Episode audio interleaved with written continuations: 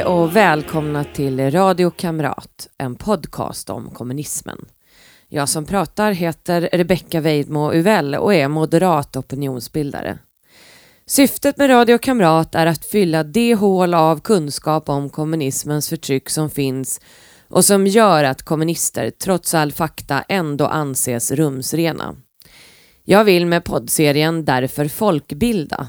Podden är ett bidrag till upplysning om kommunism och kommer sändas varje onsdag till valet 2022. Ni hittar den där poddar finns eller på podbean.com. Sök efter Radio Kamrat så kan ni streama direkt från webbsidan. Vill ni som stödjer mitt initiativ om folkbildning om kommunism bidra kan ni swisha till 123 444 5847 123 444 5847 eller så blir ni Patreon på patreon.com och sök efter Rebecca Weidmo så hittar ni mig där. Sponsra med en dollar per månad och uppåt. I de två senaste avsnitten fick ni en rundtur i DDR och DDR-Sverige, en av de mest kända kommunistiska diktaturerna. I det här avsnittet tänker jag ta er med till ett land få har någon relation till, Albanien. Det lilla fattiga landet på andra sidan Adriatiska havet från Italien som under 40 år förtrycktes av en av de kommunistiska diktaturer som plågat världen. Han kallades The Iron Fist of Albania. Hans namn var Enver Hoxha.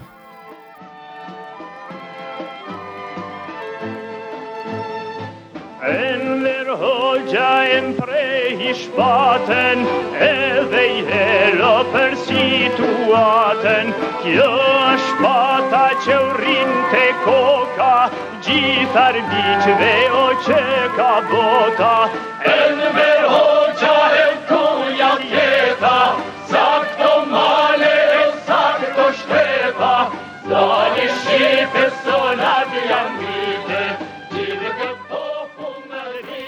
Enver Hoxha föddes den 16 oktober 1908 i Girokastra, då en del av det Osmanska riket och känt under sitt turkiska namn Ergiri. Albanien ligger norr om Grekland och staden ligger bara tre mil från den grekiska gränsen. Släktnamnet Hodja var ursprungligen en hederstitel. Namnet härstammar från turkiskans ord för läromästare Hocka och namnet gavs hans föräldrar för deras insats, insatser att sprida islam i Albanien.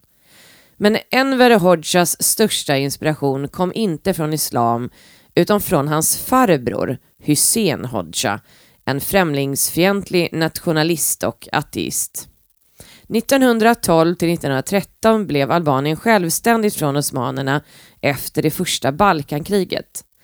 Hodja inledde alltså sin politiska karriär i ett självständigt Albanien.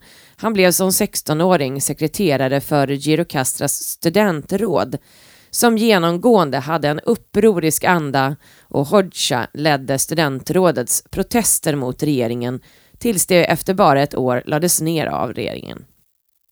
Vid den här tiden hade intellektuella albaner som studerat utomlands i Wien, Rom och Belgrad börjat sprida radikala idéer från den ryska revolutionen och Hodja kom i kontakt med dessa när han studerade vid ett franskspråkigt gymnasium.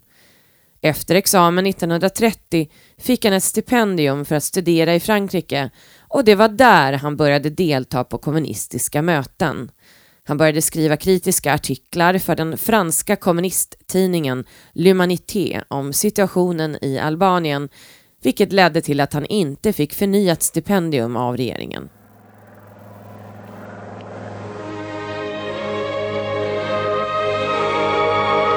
Ten years earlier, again in Paris, Enver Hoxha the student walked this street.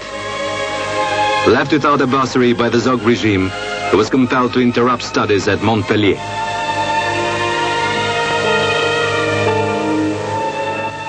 1928 förvandlades Albanien till en monarki när premiärminister Ahmed Zogu utropade sig själv till kung Zog. Enver Hoxha återvände till Albanien 1936. Då var hans kommunistiska sympatier kända av regeringen. 1939 invaderade Italien Albanien ledda av fascisten Mussolini och tvingade alla albanska offentliganställda att gå med i fascistpartiet. Men Hodja, som då arbetade som lärare, vägrade och fick då sparken. Han startade därför en underjordisk kommunistverksamhet som avslöjades 1941 och han tvingades att fly till bergen. Han fick där hjälp av jugoslaviska partisaner, en kommunistisk gerillagrupp i Jugoslavien som från 1937 leddes av en man vid namn Josef Bras Tito som kommer få ett e helt eget avsnitt i podden. Titos rebeller hjälpte till att grunda Albaniens kommunistiska parti senare omdöpt till Albanska arbetarpartiet efter förslag från Josef Stalin 1941 och Enver Hoxha blev vald till regionens centralkommitté. Vid partiets första kongress 1943 valdes Enver Hoxha till förste generalsekreterare, en post han hade till sin död 1985. De albanska partisanerna organiserade Albaniens nationella frigörelsearmé, motståndsrörelsen. 1943 ingick Italien en vapenvila med de allierade under andra världskriget och då ockuperade istället Tyskland Albanien. Därför gav brittiska militärenheten SOE pengar till partisanerna eftersom man fruktade att nazisterna skulle använda Albanien som utgångspunkt för att ta över resten av länderna på Balkan. Efter förebild från kompisen Tito i Jugoslavien sammanträdde antifascistiska kommittén för nationell befrielse i maj 1944 och Hodja valdes till ordförande. De förklarade sig sedan vara Albaniens legitima regering med Hoxha som statsminister och i november 1944 när tyska styrkorna drog sig tillbaka ombildades den för detta kommunistiska gerillagruppen Nationella frigörelsearmén till Demokratiska fronten, det enda tillåtna partiet.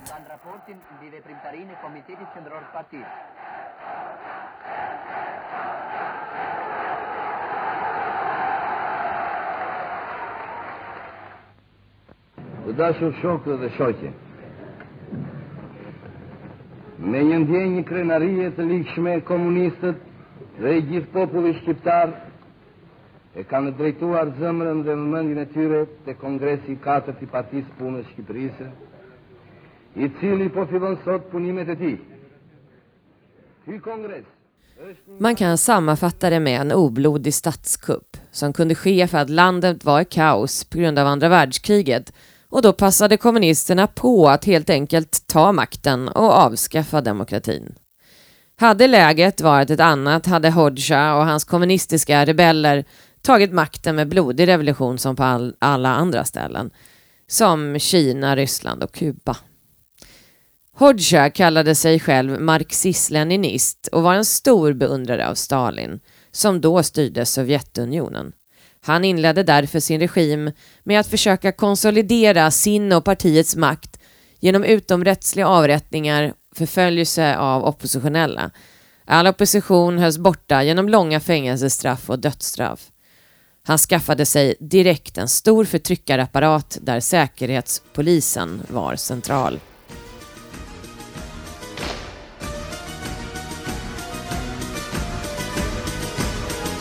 Oj, e plirie, locul știe ni mai era, UCK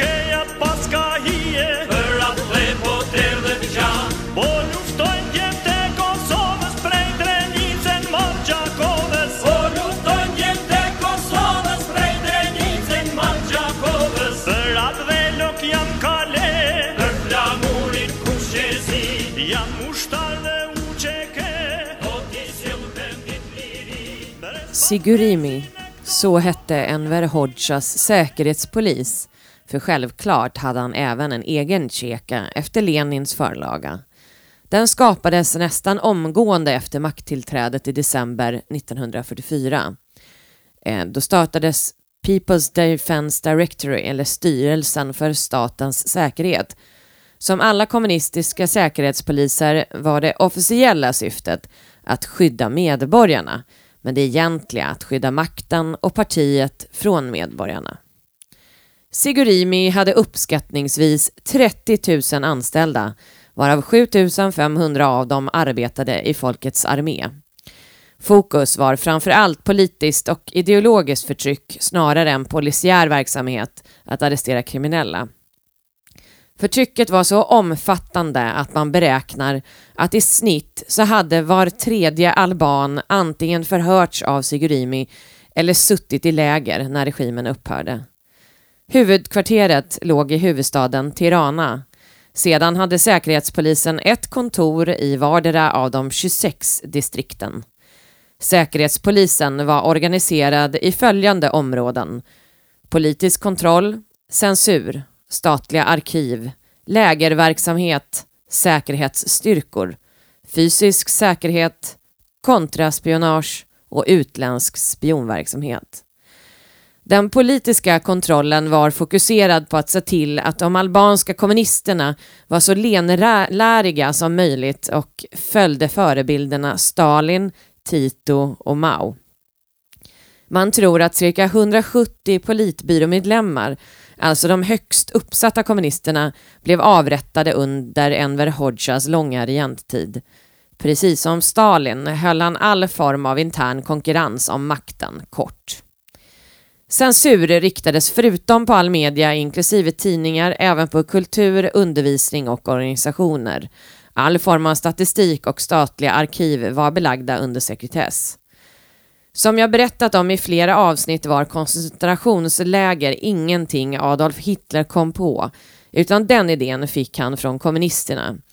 Lenin och Stalin var före, Mao och Fidel Castro och Che Guevara kom efter. Även Enver Hoxha tyckte det här med att deportera och spärra in alla kritiker var en utmärkt idé.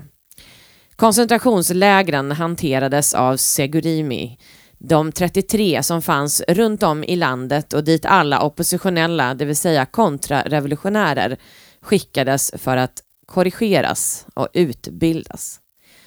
De, de minsta i de mest avlägsna delarna av landet reserverades för de värsta av statens fiender. Sigurimi använde 36 olika tortyrmetoder mot fångarna. Några av dem var de slog de blodiga med träpåkar. Glödhet taggtråd trycktes in i skinnet. Elektriska chockar.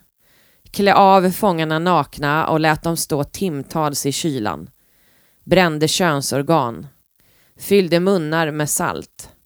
Förhindrade sömn stängde in dem i kistor och kvinnor våldtogs regelmässigt. 103 000 albaner dömdes på politiska grunder till fängelse varav 65 000 skickades till koncentrationsläger på en befolkning på 3 miljoner 1985. Mer än 6 till 7 000 tros ha avrättats men eftersom alla försvann plötsligt utan gravar och utan några bevis vet man inte säkert. Enver Hoxhas förtryck skonade ingen.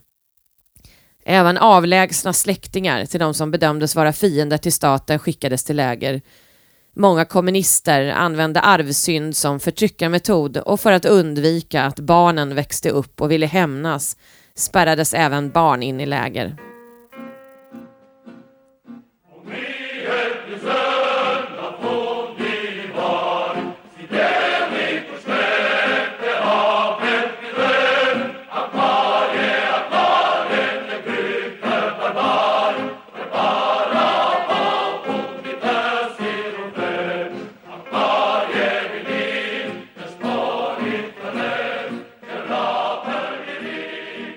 Simon Mirakai var bara några veckor gammal när han 1945 tillsammans med sin mamma och två syskon skickades till ett koncentrationsläger.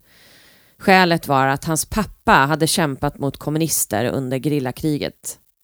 Simon Mirakai vars enda brott var att hans pappa var antikommunist, satt 46 år i koncentrationsläger. Han grävde diken, fällde träd och dikade ut träsk. Tog sina första steg i lägret Berat.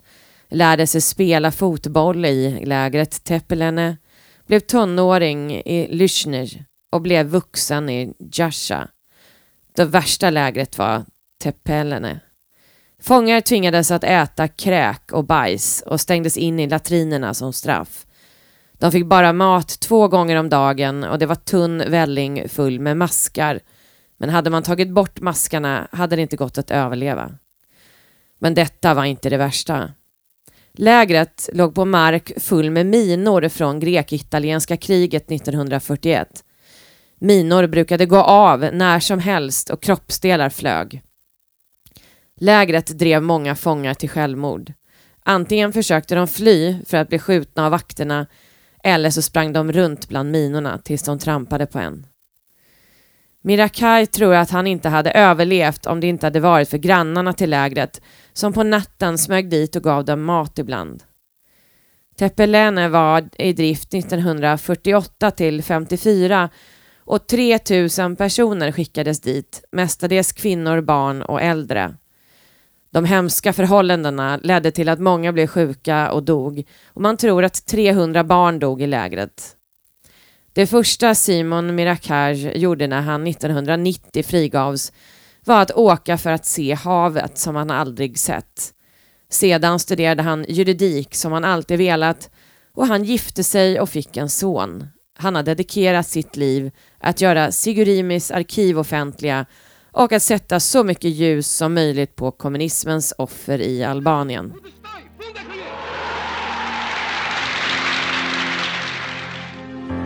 Kemi internu në 17 korrik të 45-ës, unë kam shku dy javësh dhe kam dal nga kampi me 4 korrik të 89.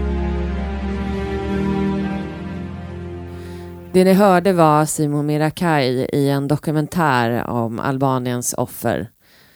Begravda i hundratals massgravar letar familjer fortfarande efter släktingar och vänner som bara försvann från jordens yta. It's been more than 25 years since the fall of communist rule in Albania, and Jovan is still searching the mountains. He's looking for a shallow grave containing his father.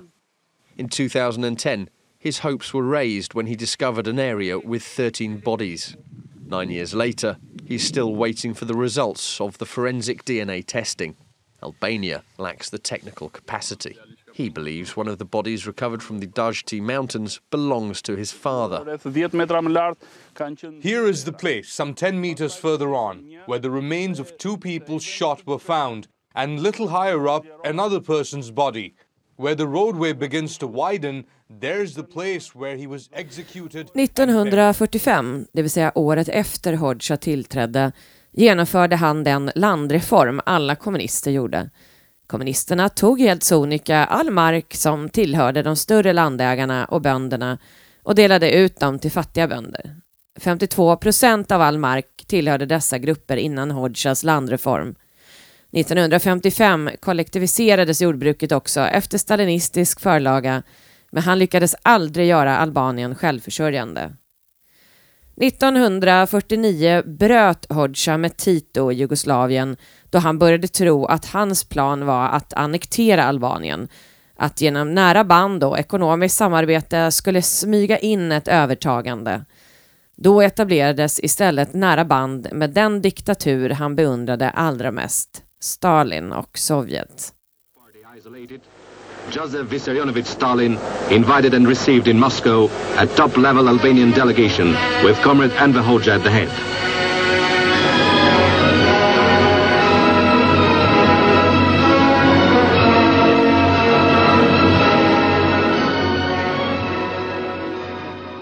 Mellan 1948 och 1969 tog Albanien emot 200 miljoner dollar i bidrag från Sovjet för teknisk utveckling och infrastruktur.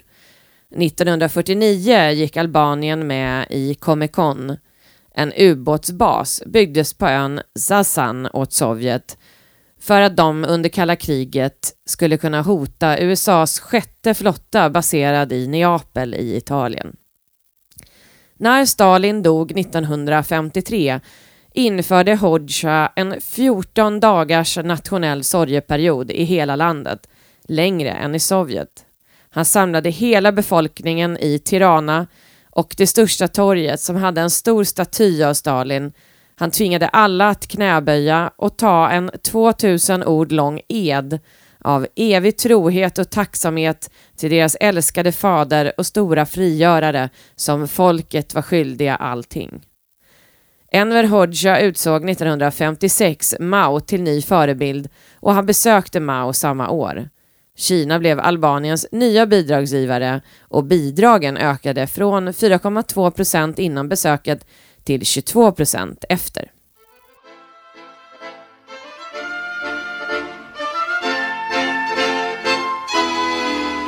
Povitek och kinemare Simike shot prietemo.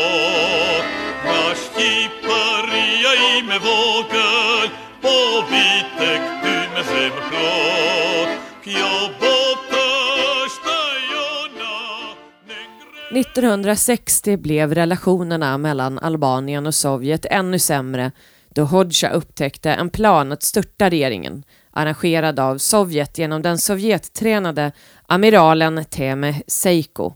Sovjet bjöd inte in Albanien till kongresser med hela Warszawapakten. De drog in sina bidrag, sina tekniker och trupper och 1961 höll Enver Hoxha ett tal där han kallade Nikita Khrushchev för revisionist och antimarxist.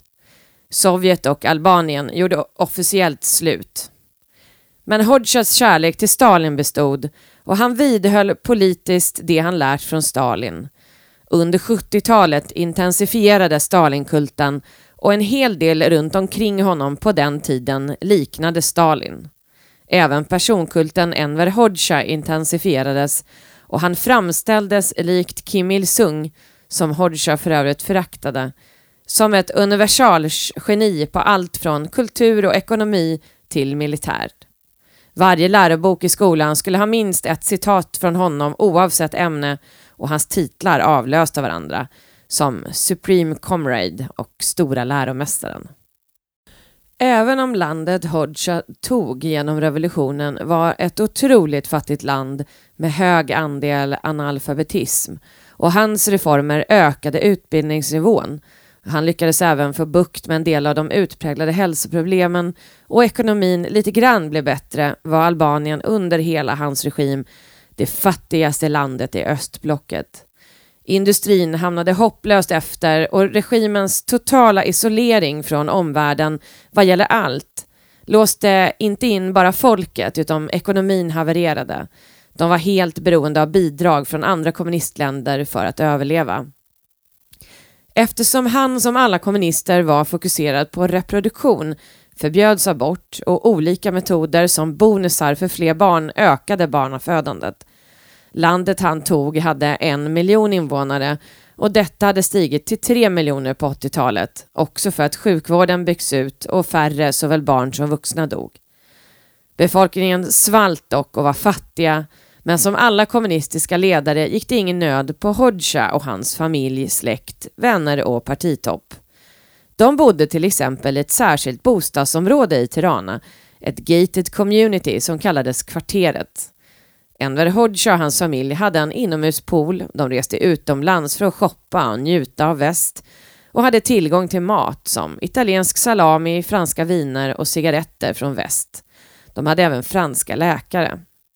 Familjen Hodja hade flertalet hus, 25 kylskåp, 28 färg-tv och 19 privata telefonlinjer. I en artikel i The Guardian hade paret Hodja under sina 40 år vid makten spenderat totalt 15 miljoner dollar.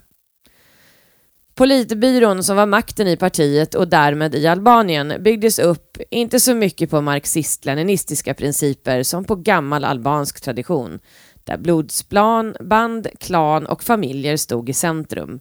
Och många var de högt uppsatta som hade just dessa band till Hodja. Inspirerad av sin nya kompis Mao genomförde Hodja sin egen kulturrevolution i Albanien mellan 1961 och 1971.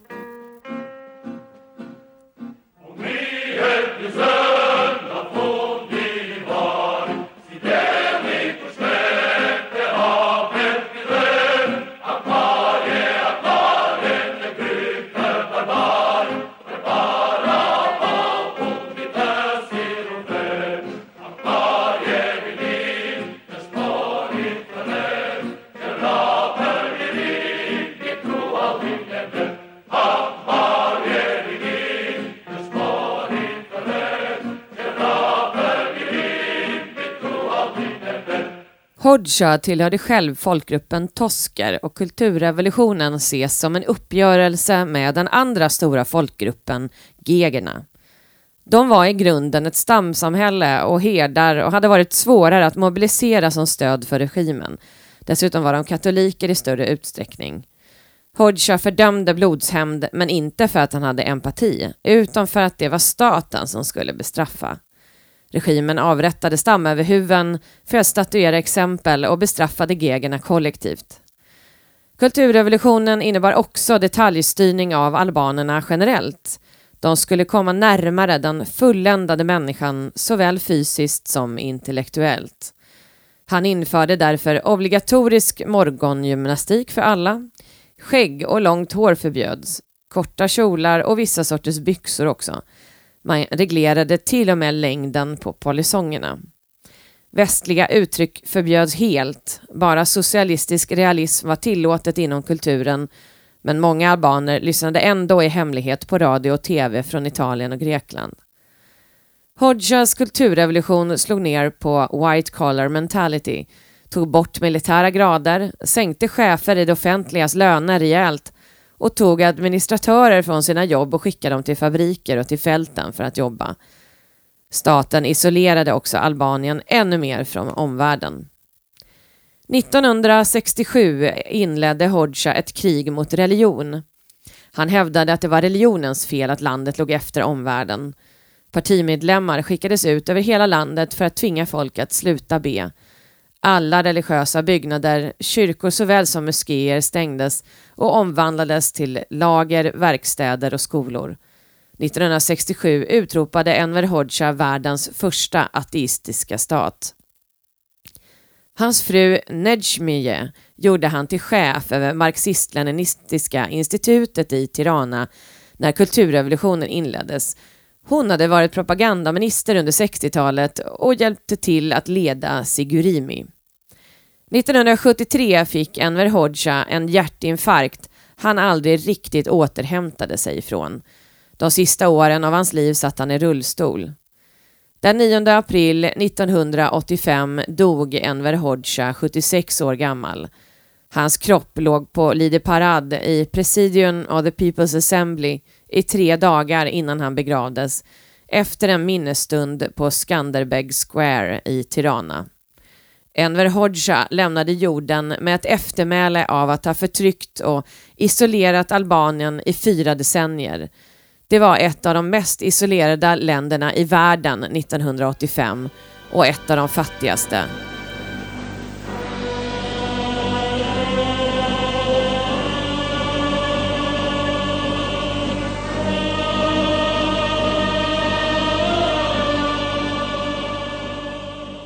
Musiken ni hörde kom från albansk tvs sändning av Enver Hoxhas begravning. Den genomsnittliga inkomsten vid hans död i Albanien var 15 dollar per månad. Hodjas dotter Pranvera utbildade sig till arkitekt och ritade Enver Hodja-museet i Tirana, en byggnad som är omtalad som det dyraste bygget i Albaniens historia, ett slags mausoleum för Enver. Museet öppnade 1988 men omvandlades 1991 till konferensanläggning omdöpt till, the, till Pyramid of Tirana. Det enda mordförsöket på Enver Hoxha man känner till är när Banda Mustafai, ett gäng knutna till den albanska maffian och som hade kopplingar till kungahuset Zog 1982 försökte mörda Hoxha. Två medlemmar dödades vid försöket och arresterades. Hodjas änka Nejmie dog inte förrän 2020 vid en ålder av 99 år. Hon dog i en oansenlig förort till Paris. Lady Macbeth, som hon kallades, vidhöll fram till sin död inget som helst ansvar över något.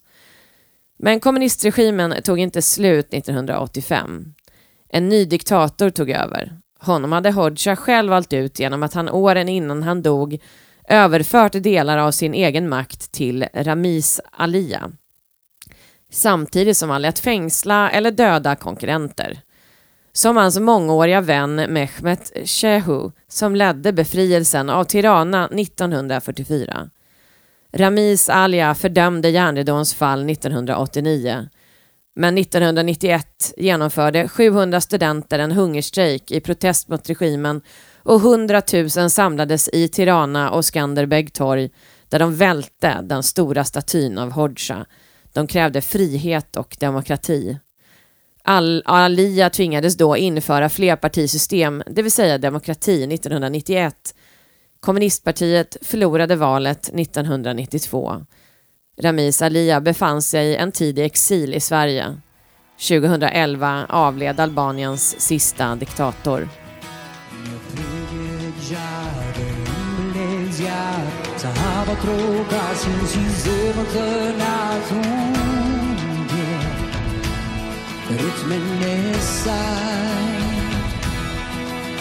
Du bunqës gjatën për din rotësi mal që të dit nuk leku si është larkë shi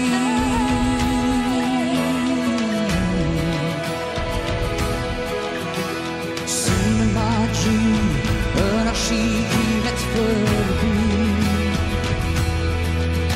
Më sjell dhe kimin të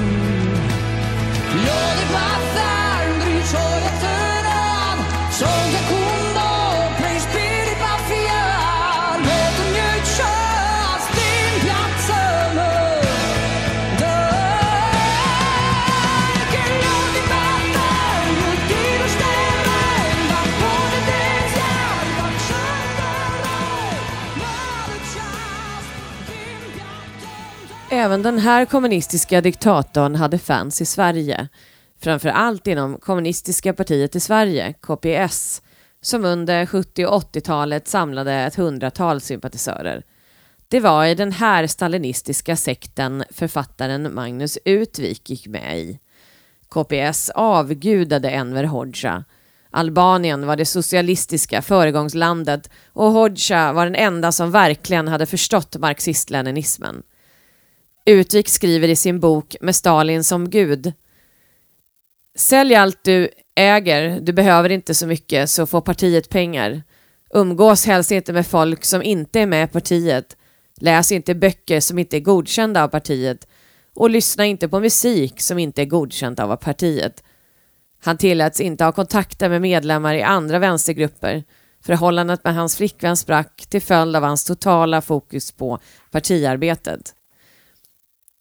Ett tag, han hade visst visat småborgerliga tendenser genom att diskutera privat med en partikamrat om det inte under vissa förhållanden kunde vara lämpligt att tillåta fler partier än ett under socialismen. Och två, han hade erkänt för samma partikamrat att han hade varit inne i SPs bokhandel och passat på att ta en fika. Men Magnus fortsatte att tro på partiet i flera år. Står man för den enda rätta marxist-leninistiska politiken kommer arbetarna förr eller senare sluta upp bakom KPS. Men på KPS politik gick bara ut på att försöka avslöja och krossa revisionisterna och trotskisterna i de andra vänsterpartierna, VPK, SPK, KPMLR, socialistiska partiet. Efter den väpnade revolutionen ska inget annat parti vara tillåtet och revisionisterna avrättas. Magnus Utvik gick som bekant ur sekten efter tre år och 30 år senare skrev han boken. Han har nyligen kommit ut med en ny bok om Vänsterpartiets smutsiga historia som jag kommer gå igenom senare. Slutligen vill jag passa på att tacka alla er som lyssnat. Vill ni stödja mitt projekt om upplysning om kommunismen kan ni swisha till 123 444 5847 eller bli Patreon på patreon.com och sök efter Rebecca Weidmo Uvell. Med det säger jag hej då och på återseende.